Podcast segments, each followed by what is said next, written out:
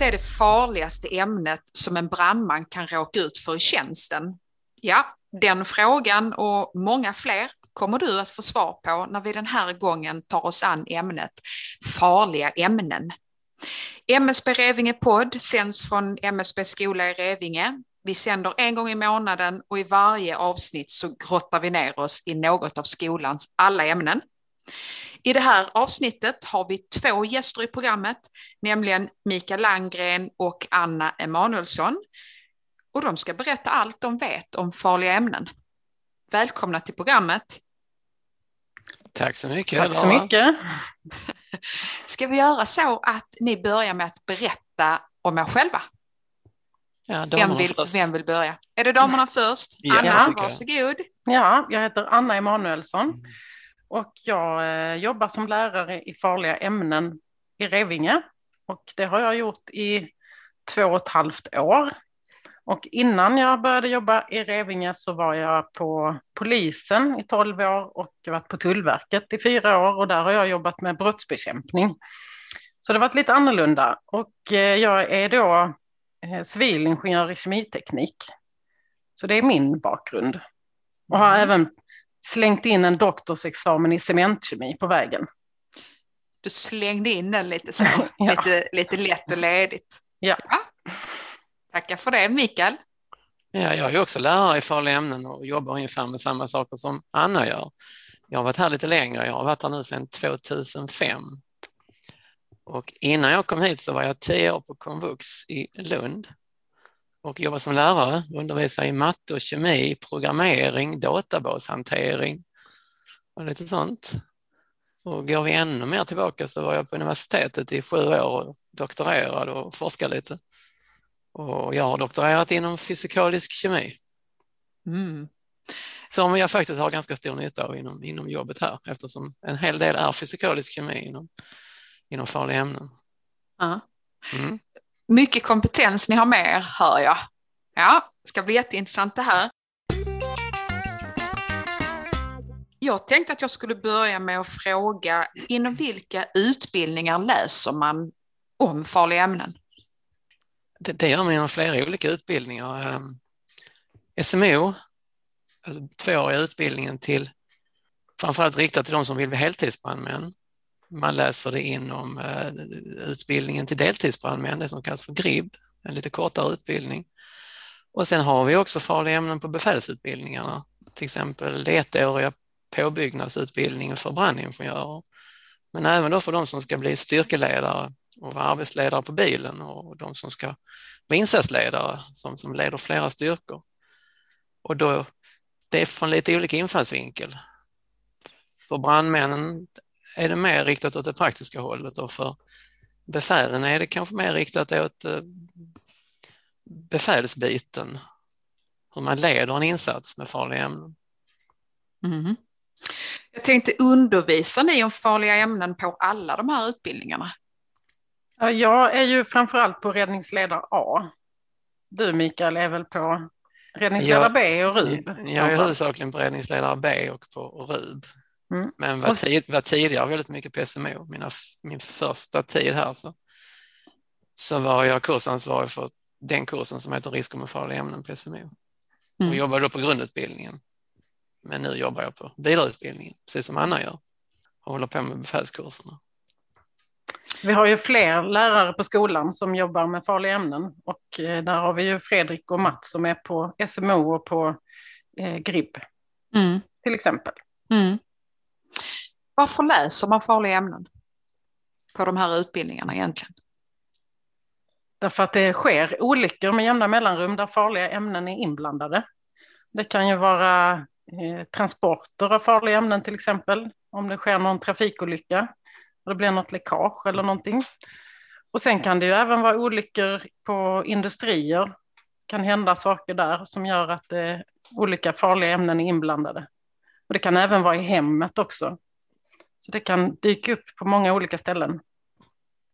Och hur vanligt förekommande är det att det händer sådana här eh, olyckor då? Där farliga ämnen är inblandade.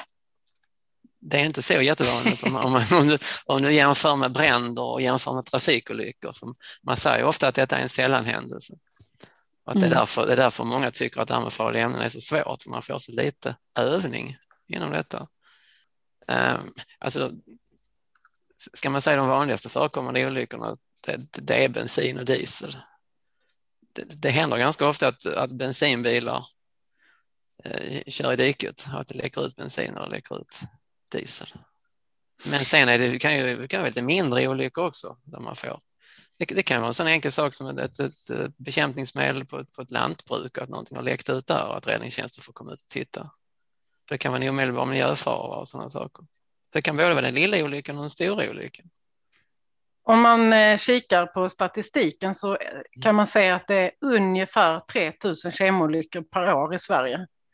Och som Mikael sa där så är ju de allra flesta kopplade till drivmedel eller olja. Men om mm. man bortser från alla de som har med drivmedel och olja att göra så är det ungefär 600 övriga kemolyckor per år i Sverige. Mm. Okej. Okay. Och ibland kan det bli sådana här jättelika olyckor som eh, olyckan på Kemira i Helsingborg som ägde rum, jag tror det var 2005, när en stor, stor tank med eh, svavelsyra hade blivit underminerad av ett kylrör så hela tanken rämnade och allt innehållet rann ut. Och det var ju mm. en insats som höll på i flera dagar. Oj då. Men det är mer sällan ja, och därför är det, det, det, är viktigt att man har beredskap för detta. Absolut. Och när det händer så kan det bli riktigt, riktigt stora konsekvenser. Just det. Hur arbetar ni kring ämnet farliga ämnen? Alltså jag tänker både teoretiskt och praktiskt. Ja, vi, vi, vi jobbar ju på bägge fronterna. Mm. Så alltså, oavsett om man utbildar sig till befäl eller till brandman så måste man ha kunskaperna med riskerna med det farliga ämnet. Och från brandmannens synvinkel så är det lite här att man, man är sitt eget skyddsombud och man måste själv kunna inse när man är framme och jobbar när en, en fara kan uppstå och ha koll på det. Och befälet måste naturligtvis ha koll på det för befälet är ju, ska göra en riskbedömning precis som man gör vid alla andra olyckor, som man gör vid bränder och som man gör vid trafikolyckor. Då ska man kunna, kunna göra en riskbedömning så måste man ju veta någonting om riskerna med det farliga ämnet. Och då måste man kunna någonting om det. Och då inriktar vi vår undervisning väldigt mycket på det här med risker och riskbedömning. Så utbildning i farliga ämnen, det är ingen kemiutbildning. Mm. Utan det är väldigt, väldigt inriktat mot risker och riskbedömning och skydd. Att, att vi har ju praktiska moment också förstås. Och, och för SMO är det ju, utgör den biten en större del. Det handlar om att man ska lära sig att klä sig i de kärnskyddsdräkter som finns och att man ska kunna använda det speciella material som finns, att man ska arbeta i kärnskyddsdräkterna. Eh, och vi gör faktiskt även det på, på um, ingenjörsutbildningen eftersom brandingenjörerna har ju ingen praktisk erfarenhet sedan tidigare från räddningstjänsten. Och då vill vi också att de ska ha lite kunskap om hur det är för den personal som de ska leda. Eh, på vidareutbildningarna till styrkeledare och till eh, insatsledare har vi inte så mycket av den biten för de har ju redan brandmannajobbet i botten. Mm. Där, där är det huvudsakligen ledningen av räddningstjänsten och riskbedömning som det handlar om. Mm. Anna, du hade något? Nej, men jag tänkte backa till frågan hur arbetar vi kring ämnet farliga ämnen? Och så tänkte jag säga att eh, alltså vi arbetar ju med allt från teorilektioner till eh, praktiska övningar där man som Mikael sa får, får klä sig i en kemdräkt och prova på och skruva och dra i muttrar eh, där det läcker ut någon kemikalie och, och känna på hur otympligt det faktiskt är att jobba i, de här, i den här skyddsutrustningen. Så väldigt praktiskt till väldigt teoretiskt. Och sen har vi då också eh, praktiska övningar för eh, räddningsledarna där de får prova på ut på fältet och se en olycka och göra en riskbedömning och fundera kring det i det vi kallar för obboövningar. Och sen har vi hela insatser där man kopplar ihop eh, både SMO-studenterna och räddningsledare och rubar och alla möjliga och där man då får hantera en stor kemolycka tillsammans. Okej. Okay. Mm. Den var bra den Anna, den, ta, med, ta, ta med Annas beskrivning. Vi tar med den, absolut. När vi började spela in podden för tror det är två år sedan nu faktiskt, så var tanken att en kollega till oss skulle vara med i programmet och just prata om farliga ämnen, men tyvärr så fick han förhinder och kunde inte vara med. Fast då hade den föregående gästen i programmet, Stefan Isaksson, redan hunnit skicka vidare en fråga just om farliga ämnen. Och faktum är att den frågan är så himla bra så att jag tycker att vi måste ha med den här i programmet. Så vi lyssnar på den frågan. Får man ju tänka på alla eh, kemilärare som har funnits i skolorna fram och tillbaka i tiderna och eh, den frågan skulle vi skicka till Fredrik här egentligen då. Vad är det tokigaste som han eller någon elev har gjort under en lektion i farliga ämnen? Så ett, ett eh, minnesvärt exempel på någonting som har gått, blivit lite tokigt kan man säga. Vad säger ni? Vad är det tokigaste som ni eller en studerande har gjort under en lektion i farliga ämnen? Vem vill börja? Man har ju en viss tendens att glömma vad som har hänt om de tidigaste åren. Men, men, men, en sak som jag speciellt kommer ihåg är att vi, vi hade mycket holländare här som, som kom hit och köpt, köpte utbildning av oss. Eh, det var en ganska hård vecka de ställdes inför med mycket Eh, rökdykning och det var väldigt allvarligt för dem också för de, de blev faktiskt examinerade i det hela. Så för att lätta upp stämningen lite så fick de en så kallad pang och bom förevisning i farliga ämnen. Och det var nog, mer än eh, ett litet roligt inslag än att det var så himla utbildande. Och då skulle vi försöka hitta på saker som small framför allt. Och en ingrediens var att man tog en sån här liten campinggasolflaska. Det var ett par hundra gram Eh, gasol i den och placerade den eh, i en liten brand där vi har satt eld på bensin i ett eh, avskuret oljefat. Och det som händer där så småningom är att det blir varmt och så byggs det upp ett tryck och så exploderar den här. Och för att ha lite säkerhet på det hela så har vi satt in allt det här i en stålbur så inga fragment kan spridas. Men den här gången då när jag gjorde det här med holländarna, det, det, alltså det hände, det var väldigt, nästan varje torsdag man gjorde detta ett tag.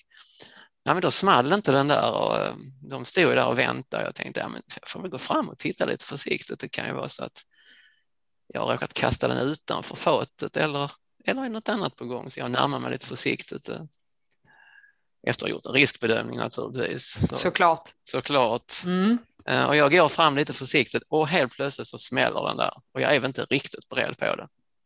Så jag hoppar ju till och nästan tar ett skutt tillbaka och holländarna skrattar och naturligtvis står ju någon och filmar detta. Och sen hamnar det på Youtube. Aj då. Och då heter det Swedish Blooper detta. Det känns som att man genast vill liksom googla upp det här då. Jag, jag, tror den, jag tror den är borttagen. Lara. Aha, den är det. Det var ju tråkigt. Men det du kan ju försöka. Se, ja, det hade man velat se. Okej. Okay. Uh, detta är preskriberat kan jag tala om för dig, för det var över mm. tio år sedan. Ja, men det var ju bra. Mm. Det var ju bra. Ja, och du Anna? Jag har inte jobbat lika länge som Mikael så jag har inte riktigt sådana spännande erfarenheter att komma med. Ja, i förra programmet så eh, gästade Peter Holmström oss och han skickade vidare två frågor till er som han vill ha svar på. Men jag tänker att vi börjar med att eh, reda ut den första frågan, så vi lyssnar på den. Eh, om vi tar den första så kan vi ju säga då att under utbildningen farliga ämnen hur ser de då på förebyggande och hantering samt arbetsmiljö inom området? Alltså mm. lite mer eh, utanför den traditionella benämningen farliga ämnen. Vad säger ni eh, under utbildningen farliga ämnen? Hur ser ni där på förebyggande hantering samt arbetsmiljö inom området? Anna, vill du börja där? den här gången? Ja, eh, mm. alltså förebyggande jobbar ju inte vi med överhuvudtaget i våra kurser. Um, men däremot väldigt mycket med arbetsmiljö. Alltså, man kan ju säga att det egentligen är huvudfokus på det vi sysslar med och det vi försöker lära ut, för att det handlar ju om riskbedömningar.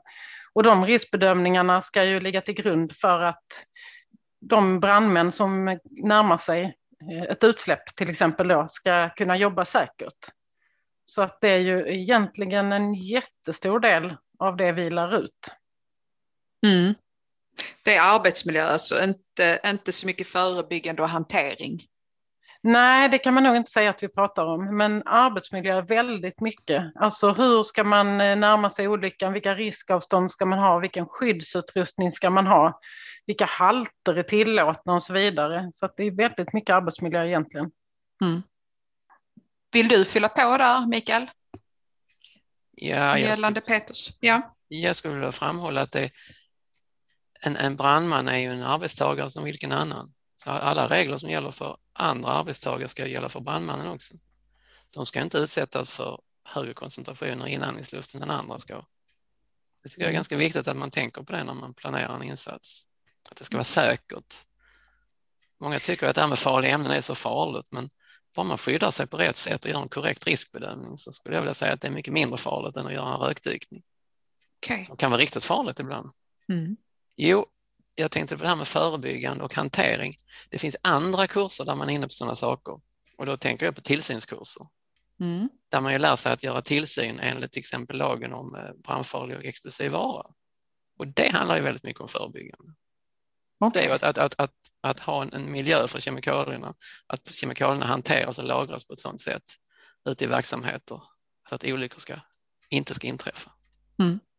Men Anna och jag och vår grupp sysslar inte med de här kurserna, utan det är andra lärare som gör det. Mm, precis, det var mer arbetsmiljö för, för er del då. Ja. Ja. Finns det något farligt ämne som ni tycker är lite extra spännande och varför är det så i så fall? Har ni någon personlig favorit? Anna, vad säger du? Svår fråga, men eh, om man ska välja ut något ämne då så får jag väl säga så här en klassiker, kol. För kol är ju ändå ganska fascinerande eftersom vi människor, växter, djur, allt är uppbyggt av eh, på något sätt av kolatomer.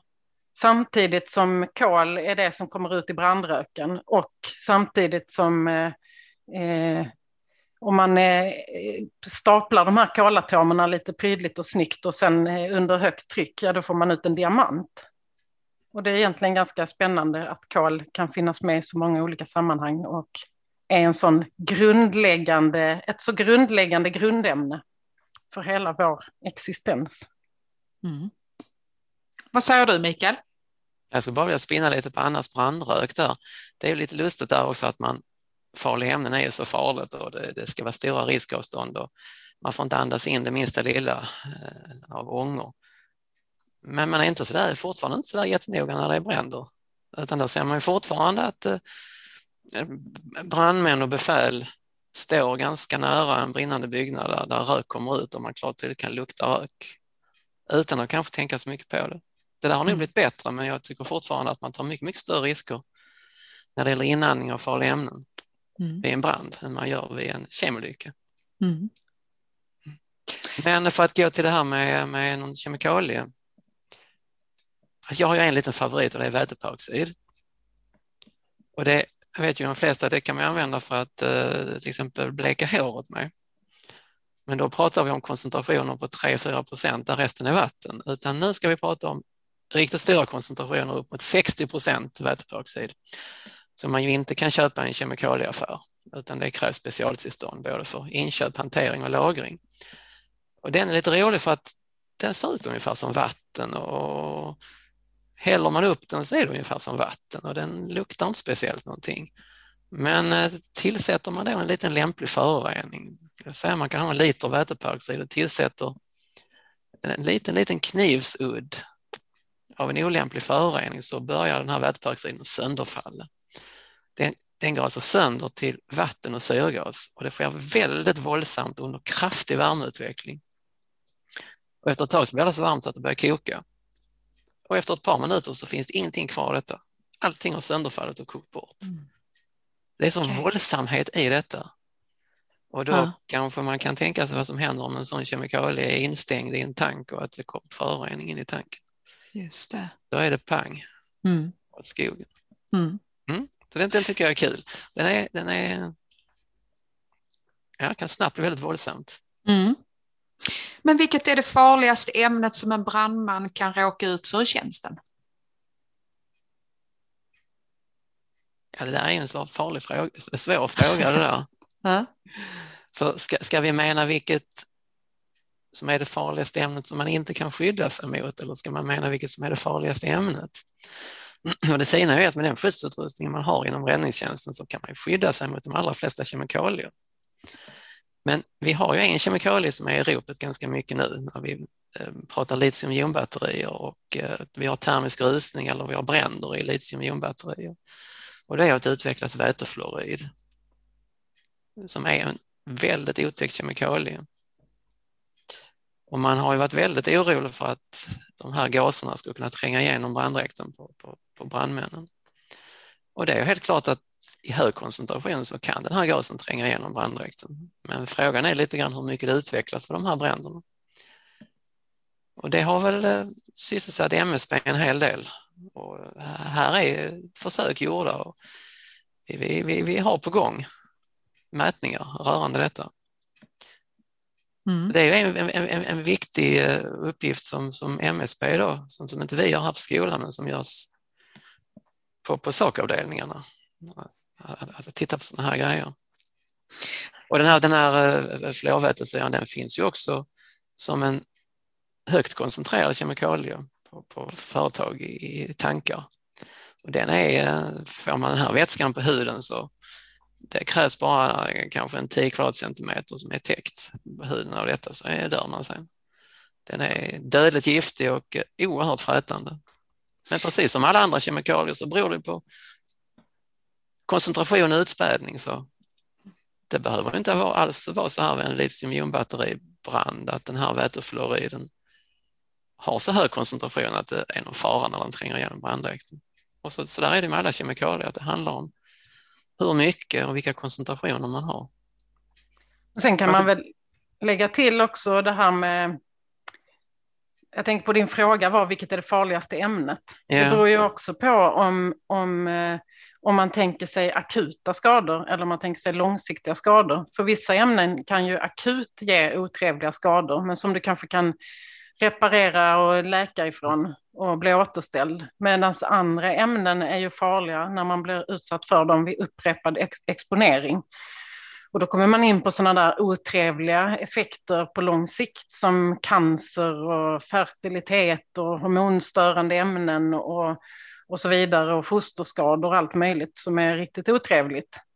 Som man inte kanske kan eh, eh, ja, läka ifrån eller vad säger man, bli återställd ifrån. Men sen alla de här ämnena vi har pratat om, de kan man ju skydda sig mot i en insats genom att använda en gastät kemikaliedräkt. Mikael, jag tänkte på det här, den här, det här ämnet som du pratade om. I vilka situationer kan en eh, brandman råka ut för det? Det kan ju, kan ju tänka sig en olycka som inträffar på ett uh, företag där man använder mm. den här kemikalien. Mm. Den används bland annat för etsning av metall och etsning av glas. Det är en väldigt potent syra detta. Mm. Men det där med vad som är det farligaste. Jag hade nog känt mig betydligt mer rädd eh, Eh, om det hade kommit ut till exempel gasol eller naturgas i en byggnad och man kanske inte vet om det finns personer kvar och att räddningstjänsten är tvungen att gå in. För om, om man har en, en, en olämplig blandning av naturgas och luft och man får en tändning, kanske från ett kylskåp, kanske från ett relä, från något elektriskt element och det där tänder, då åker alltså både fönster och, och kraftiga dörrar och till och med tegelfasader ut. Mm. Och där har du faktiskt inget skydd mot detta. Jag tycker det är en betydligt otäckare situation än egentligen den värsta kemikalien som mm. du kan plocka på dig ett skydd emot. Men då kan man ju faktiskt, eh, det finns ju en annan typ av ämne också som man inte heller kan skydda sig mot, eller som är väldigt svårt att skydda sig mot i alla fall, och det är ju de radioaktiva ämnena. De är, får man också säga hör hemma i gruppen de farligaste ämnena. Mm. Just för att man inte kan skydda sig mot dem, eller att det är väldigt svårt att skydda sig mot dem. Mm. Om vi går vidare lite, jag tänkte, mm, är det något särskilt spännande som händer inom området just nu? Alltså vi var inne på det här med, med litiumjonbatterier tidigare. Mm. Och det är något som har upplevts som väldigt angeläget från, från räddningstjänsterna. Just det. Som finns för, i elbilar då va? Ja, exakt. Mm. Så, och det har, ju, det har ju kommit nu de senaste terminerna, varje gång har det kommit frågor från, från de studerande just om detta, vad, vad, vad vi tror och tycker om detta. Och vi har inte kunnat tro och tyckt så där jättemycket för vi har inte vetat. Det är en, en fråga som är väldigt mycket i, i nuet just nu. Men som jag sa innan så, så, så uh, håller man på att göra studier. Och det kommer komma en rapport ifrån MSB Karlstad. Om mm. inte redan har kommit så är det i, i, dagarna. Okej, okay. ja, får man hålla utkik på den. Mm. Um, men om jag skulle vilja fördjupa mig inom ämnet farliga ämnen då, finns det någon specifik litteratur eller någon hemsida eh, som, man, som ni skulle kunna tipsa om? Vad säger du Anna? Ja, vi har ju någonting lite spännande på gång nu, jag och Mikael, för vi håller just nu på att eh, skriva ett läromedel i farliga ämnen. Eftersom vi tycker att det har saknats någonting som har den eh, inriktningen, eller vad man ska säga, som, som våra utbildningar har. Det finns ju en del böcker som bland annat MSB har gett ut, eller räddningstjänsten. Eh, inte räddningstjänsten, räddningsverket menar jag. Ehm, men de här böckerna är ofta, de är liksom lite smalt område och väldigt djupt. Det kan vara typ en tjock bok som handlar om allt som har att göra med frätande ämnen. Eh, eller en bok som handlar om eh, radioaktiva ämnen. Men den här mer in, liksom infallsvinkeln, hur ska man göra en riskbedömning om man kommer till en olycka med farliga ämnen? Hur hanterar man det? Det saknas. Så därför har vi eh, satt igång och skriva på det och börjar väl så smått bli klara med första versionen. Och mm. hoppas att vi ska kunna ta den i bruk till hösten i alla fall. Mm. Och tanken, är, tanken är lite grann att det ska bli en övergripande skrift detta. Det alltså, handlar inte bara om frätande ämnen eller bara om brandfarliga ämnen utan förhoppningsvis ett, en gemensam infallsvinkel som man kan ha på vilken typ av farligt ämne den handlar om. Alltså ett sätt att tänka. Mm. Jag tänker nu när vi ändå, ni nämnde det här just med läromedel, medel, då tycker jag att vi skjuter in eh, Peter Holmströms andra fråga eh, som just handlar om läromedel. Vi lyssnar på den. Mm. Eh, och sen skulle jag också vilja veta lite mer om hur ser framtida läromedel kopplat till farliga ämnen ut? Är det även där tankar på virtuella saker eller artificiella saker eller, eller är det någonting nytt som kommer där? Eh, jag kan inte så där jättemycket om XVR, men eh, det är ju ett sätt att eh, spela upp scenarier i en dator. Så att man får en, en, det ser ungefär ut som att titta på ett tv-spel. Och sen kan man då välja vad man vill göra. Man får en olycka på, som man ser och sen så kan man då välja hur man vill agera. Och utifrån man, hur man agerar så kommer det då ske olika saker i det här spelet. Eh, branden kan utveckla sig på olika sätt beroende på vilken eh, taktik du väljer och så vidare. Och där tänker vi oss också att vi ska komma in med farliga ämnen och det finns redan en del eh, case som man jobbar med med farliga ämnen, men där skulle vi önska att vi kunde göra ännu mer Eh, och att det här kanske sprider sig lite mer till andra eh, befälsutbildningar. Och det har det väl redan gjort, men att det kommer ännu mer. Sen när det gäller AI så vet jag inte riktigt någonting kring det faktiskt. Jag vet inte om du har något att säga Mikael? Nej, jag har inte så mycket koll på det här med AI, men jag kan väl lägga till med XVR att det har utarbetats eh, några scenarier där av RUB-arbetslaget som kördes på förra årets eh, RUB-kurs och ska, som jag har förstått det, köras i år också. Mm. Jag tänkte eh, den, det jag ställde innan om det fanns någon specifik eh, litteratur eller hemsida. Ni nämnde inte någonting om det. Finns det någon hemsida? Eh, just inom... Ja, MSB har ju det som kallas fortbildningstjänsten och där finns ju två stycken utbildningar som handlar om farliga ämnen. Eh, dels finns det en som heter farliga ämnen och där tar man upp eh, sådana saker som fysikaliska data, eh, märkning av farligt gods och ja, där är någon del som handlar om radioaktiva ämnen och lite gott och blandat. Och sen finns det också en som heter Först på plats vid olyckor med farliga ämnen. Och den handlar mer om ja, men uppstart av en insats med farliga ämnen. Så där är lite mer eh, inriktat på befälsrollen kan man säga. Om ni skulle få se in i framtiden, är det något särskilt som ni tror kommer komma inom området som vi inte har sett förut? Ska vi börja med Mikael? Alltså jag tror lite grann på det här med drönare som man ju redan har börjat använda inom, inom eh, farliga ämnen. Och det fina med drönare är att man kan låta den här drönaren gå fram i miljöer där man kanske inte vill skicka fram räddningstjänstpersonal. Ett bra exempel kan vara om man har en, en, en värmepåverkad acetylenflaska där man kanske tror att det pågår ett kemiskt sönderfall inne i flaskan. Och det som är det lite otäcka då är att den flaskan kan explodera i princip när som helst. Och då har man ett riskavstånd på upp till 300 meter. Och kan man då skicka fram en drönare med en liten IR-kamera som då kan flyga runt flaskan och, och, och, mäta temperaturen från lite olika vinklar. Så.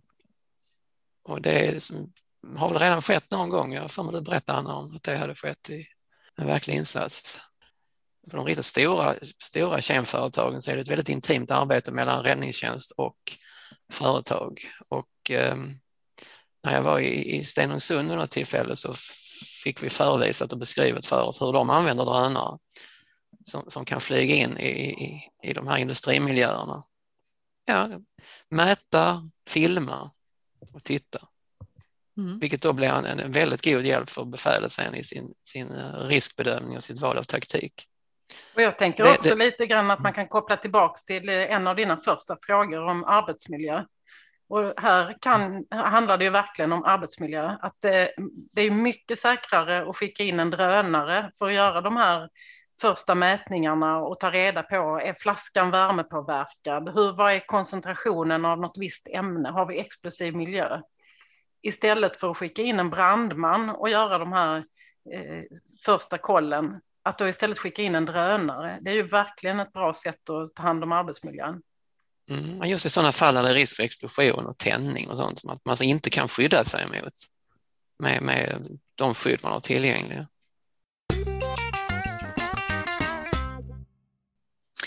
Nu börjar faktiskt eh, programmet att lida mot sitt slut, men innan vi avslutar så vill jag bara säga så att i nästa avsnitt så kommer våra kollegor Anette Stålseger och Håkan Warnemyr hit. Och Anette och Håkan de jobbar med LIA på SMO-utbildningen, alltså LIA, lärande i arbete, eh, jobbar med det här när eh, SMO-arna är ute på praktik. Och jag tänkte fråga er, vilken fråga vill ni skicka vidare till dem? Jag har en fråga som jag funderar på eh, eftersom jag ju är eh, kvinna. Mm. Eh, så tänker jag att i korridorerna i Revinge så är där en kampanj eller vad man nu ska kalla det, där det är väldigt mycket så information om kvinnor inom räddningstjänsten och att kvinnor är i minoritet och så här. Och då blir jag lite nyfiken på om man har sådana frågor med sig när de är på LIA och vad, om man fångar upp tankar kring det. Det är ju många tjejer som går SMO, men hur, hur går det för dem när de kommer ut? Och, eh, vad, är, vad fångar man upp där? Mm. Intressant Anna. Um, Mikael, har du någon? Ja, jag tänker att när man är ute på den här lian så skriver man ju en LIA-rapport. Man eh, har lite olika frågeställningar med sig som man ska jobba med. Så min undran är om, om, om farliga ämnen kommer in i bilden på något sätt här i det här arbetet de gör och de frågeställningar de ska behandla under lian. Ja. Vilket, vilket sätt det kommer in. Mm. Mm. Då tackar jag för de frågorna och också tackar såklart för att ni ville vara med i programmet. Det var väldigt roligt att ha er här. Så då säger jag hej då och eh, så hoppas jag att ni lyssnar om en månad igen. Och återigen, tack så mycket Anna och Mikael. Hej då! Tack, tack till dig med. Hej då Laura!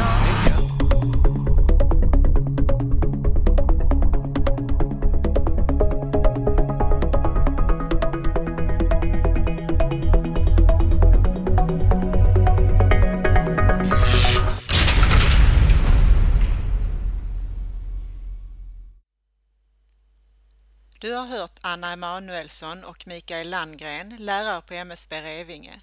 Intervjuade gjorde Lara Kristbjernadottir. Inspelning och redigering av Charlotte Kristoffersen. Signaturmelodi av och med tillåtelse av Christian Nur. Länkar hittar du på msbrevingepodd.wordpress.com MSB Revinge, mars 2021